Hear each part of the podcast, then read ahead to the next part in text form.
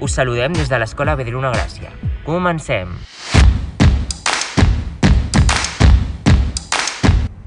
Bé, em dic Arnau Mestre i sóc el presentador d'aquest podcast. Ens trobem amb el Jordi. Bon dia, Jordi. Què tal? Com va tot? Hola, bon dia. Doncs bé, molt content d'estar aquí amb vosaltres. Ens alegrem que estiguis content. Per on comencem? Et sembla bé que comencem parlant una mica sobre el tema i posant-nos en context? Sí, perfecte. Doncs som un grup de quart de SOBE que estem treballant al projecte sobre l'educació dins el franquisme. Nosaltres som l'Àngela Teruel, la Júlia Escudé, la Maria Julve, l'Arnau Mestre i jo, el Jordi Fuentes. I bé, ara us posaré en context el franquisme va ser un règim polític autoritari i dictatorial present en Espanya entre els anys 1939 i el 1975 i va sorgir amb la victòria militar de la Guerra Civil Espanyola. Va ser governat per un home anomenat Francisco Franco que concentrava els tres poders. Per tant, era cap de l'Estat, del govern i de l'exèrcit. L'educació, com molts altres àmbits, es va veure afectada per la dictadura franquista. Bé, i també he sentit que el franquisme tenia molta relació amb la religió, no? Sí, bàsicament el franquisme defensava la idea de que la religió catòlica recuperés la importància en l'educació. Hem recollit tres testimonis, els quals van viure el franquisme durant l'època. Dos d'ells són estudiants i l'altre va ser professora durant aquell període.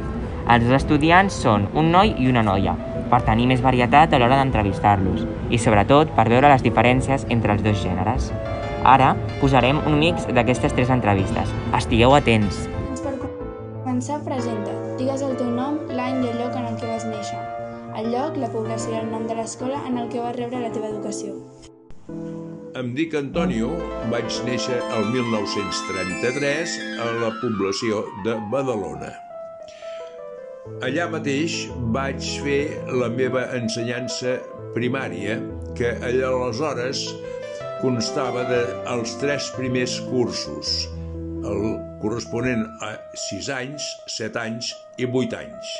Inclòs vaig començar el de 9 anys, que era el d'ingrés al batxiller. Què ha passat? Ah. Ingrés al batxiller. No obstant, com que el meu col·legi no tenia reconegut la facultat de poder donar aquest accés, vaig venir a acabar de fer l'ingrés en els Germans de la Doctrina Cristiana, col·legi de Josepets, tocant a la plaça Lesseps, el que avui està ubicada la residència geriàtrica. Em dic Dolors Sans i Serra, vaig néixer a l'any 1949 a un poble mm, que es diu Arbeca, comarca de les Garrigues, Lleida. L'escola on vaig anar fins als 14 anys es diu Albirca, era l'escola del poble, l'escola nacional, i allà vaig rebre aquesta, la meva educació fins a aquesta edat. Recordes alguna cosa de l'arribada de Franco al país o algun fet que t'hagin explicat? Com diries que va afectar a la teva escola i, la forma en la que t'educaven? Bé, l'arribada de Franco a Barcelona va ser en, posterior, en posterioritat a l'exèrcit haver ocupat la, la població.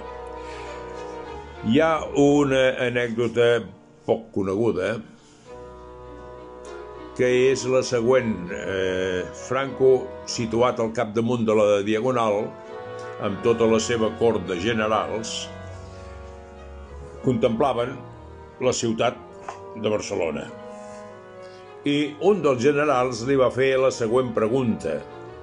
Caudillo, perquè ell es feia dir sempre caudillo. Caudillo, ¿y ahora qué hacemos con Catalunya? I ell va contestar amb un, una sola paraula. Colonitzar-la. I així estem. Bé, a veure l'arribada d'en Franco quan vaig néixer, jo en Franco ja, ja hi era. Jo recordo una vegada que en Franco el vaig veure personalment, inclús cridava Viva Franco, viva Franco, cosa que ara potser no faria. No, que no faria. Els conceptes que estudiaven els nens eren els mateixos que estudiaven les nenes. Com eren els vostres llibres? Sí, sí, els conceptes eren els mateixos. Sí, sí, el que passa... I els llibres, doncs mira, teníem un llibre molt gruixut que era l'enciclopèdia, que no em facis dir perquè ara no recordo el nom. Molt gruixut, i així doncs estudiàvem, i era en castellà, eh? que passa que la, nosaltres a la classe parlàvem el català i amb les senyoretes parlàvem el català però quan havíem de fer exàmens o dir la lliçó, etc., aleshores ho havíem de fer en castellà. Però eh, com és que parlàveu el català si realment s'havia de parlar el castellà? No, no, no, no ens van obligar mai a parlar castellà. Potser el fet de ser un poble no era com, com la ciutat. No? Bueno, la ciutat potser hi havia alguna escola que també es, es parlava la llengua del país, no? Però ja et dic, no... Parlàvem el català. Quan ens havíem de dirigir a la nostra professora li fèiem en català. El que passa que la, la, les lectures i exàmens i tot això en l'escola primària no hi havia separació de sexes. Els nois i les noies estudiàvem plegats. Per tant, tot era idènticament per uns que altres. No obstant, en el col·legi religiós, i potser més per condició de religiós que altra cosa, era col·legi masculí únicament per tant, no es pot establir cap controvèrsia respecte a aquest col·legi perquè era un col·legi masculí que no és que volgués separar, sinó que el règim separava, el règim separava, i en aquí doncs, van triar l'ensenyament masculí. Per tant, en l'ensenyança secundària no hi cap al fer cap, cap, cap diferència. També hem sentit que cada matí havíeu de cantar el cara al sol. És cert? Sí, sí, és cert. Només arribar a la classe i ens feien sortir al pati, eh, feien una taula de gimnàstica i cantant el cara al sol sí, tots a cantar i qui cridava més millor, no? Era la norma de cada... Jo crec que era cada dia, són molts anys ja que han passat, però jo diria que era cada dia que ens ho feien fer. Eren durs els professors? Rebíeu càstigs molt, fo molt forts? Els professors no eren durs, però eren molt exigents, perquè el col·legi tenia el prurit de que al final del batxiller hi havia unes, el que és avui l'examen de revàlida, era el que se'n deia l'examen d'estat.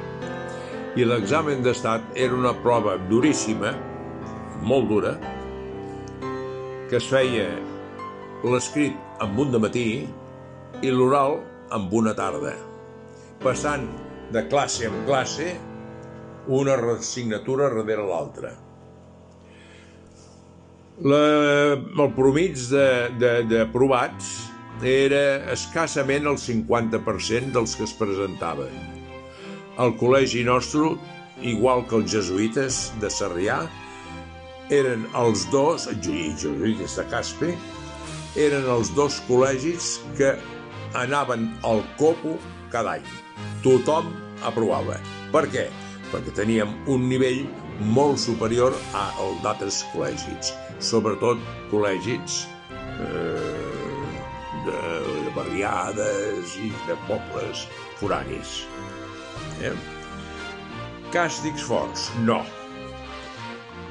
Eh, a l'ingrés de batxiller hi havia un germà que aquest sí que tenia la mà una mica dura i castigava corporalment. Però això va produir que un dia que, diguem, es va passar, fos severament advertit per la direcció de que això no es tornés a repetir. Per què? Perquè el col·legi tenia per norma no fer càstigs corporals. Fins ara hem vist el punt de vista de persones que van viure com a alumnes durant l'època del franquisme, però Ara coneixerem la història de la Pilar, una dona de 81 anys que va treballar com a professora de francès i de costura durant el franquisme. Escolteu, que amb aquesta entrevista tindrem punts de vista totalment diferents. Bon dia, Pilar. Bueno, presenta't, digues el teu nom, l'any i el lloc en el qual vas néixer. Jo em dic Maria Pilar Llong Sant i vaig néixer el 7 de juliol de 1939. Recordes alguna cosa que de, de l'arribada de Franco al país o alguna cosa que t'hagin explicat? Del Franco, Sí. mira, a casa meva eh, n'estaven molt enamorats perquè la meva mare li van matar el marit, el meu pare l'anaven a matar. Vol dir que a casa, pues, el Franco va ser la salvació per ell. Vale. Vull dir, aviam, mm, no, no, No, clar, ho entenc perfectament. En plan, si anaven a matar el... el... a l'altre i el marit de la, mar, de la segona mare el van matar a Boca de Jarro, pues, Clar, clar. perquè havia, de, perquè havia defensat a mon avi, o sigui, imagina't per què. A veure, ens pots explicar ben bé aquesta anècdota, com va ser? No, això no, no ho sé exacte. Va, va defensar mon avi amb un autobús, perquè el van anar... A... I llavors van dir, ja vindrem a per tu, i l'endemà van anar a buscar-lo. I en la, en la Mura, la carretera de Mura, el van matar. Ostres. I, bueno, Ah. ens hem informat que al principi del franquisme a, als professors els hi feien passar com una mena d'avaluacions. A tu te la van fer passar o directament vas entrar? A on? En plan que si vas haver de passar per alguna avaluació com a professora, en plan per entrar a No, l'escola. no, no, no, no, ni una, no. Bueno, ara ja ens has parlat una mica de la família, però tu què en penses del franquisme? Mira, nosaltres vam estar molt feliços i vam viure molt feliç. Vull dir que hi havia coses que potser estaven mal fetes, sí, però eh, tothom es guanyava la vida. I, i la gent que no es guanyava la vida, doncs les fàbriques funcionaven, la gent va treballaven, i, i, i no, no, no sé, vull dir, Clar, clar, ja t'entenc. O sigui, eh, que vosaltres ho veu, ho veu viure bé perquè a vosaltres no us va fa... O sigui, vosaltres estàveu bé. No, estàvem bé, bueno, bé, aviam, eh, ja havíem deixat de patir perquè estàvem, els meus, els meus pares, jo no hi era encara, però els meus pares estaven patint sempre perquè quan no mataven a un, mataven a l'altre. Clar, això és veritat. Molt interessant el que ens han explicat tots. Pel que hem pogut observar, a l'entrevista de l'Antoni, es veu que no eren les escoles en si molt exigents, sinó que eren depenent del professor que et tocava. O sigui, realment et podia tocar un professor molt fidel a Franco i les seves idees i que, per tant, t'exigís una gran atenció a la classe i l'acte que es feia cada matí cantant cara al sol. En canvi, a l'entrevista de la Dolors hem vist que el fet de viure en un poble no gaire gran feia que no es notés gaire el canvi de la manera en la qual s'educava. Però clar, ara que ja s'ha fet gran, ho veu des de més lluny i se n'adona que realment va ser una època molt fosca per la població espanyola i més encara per la catalana.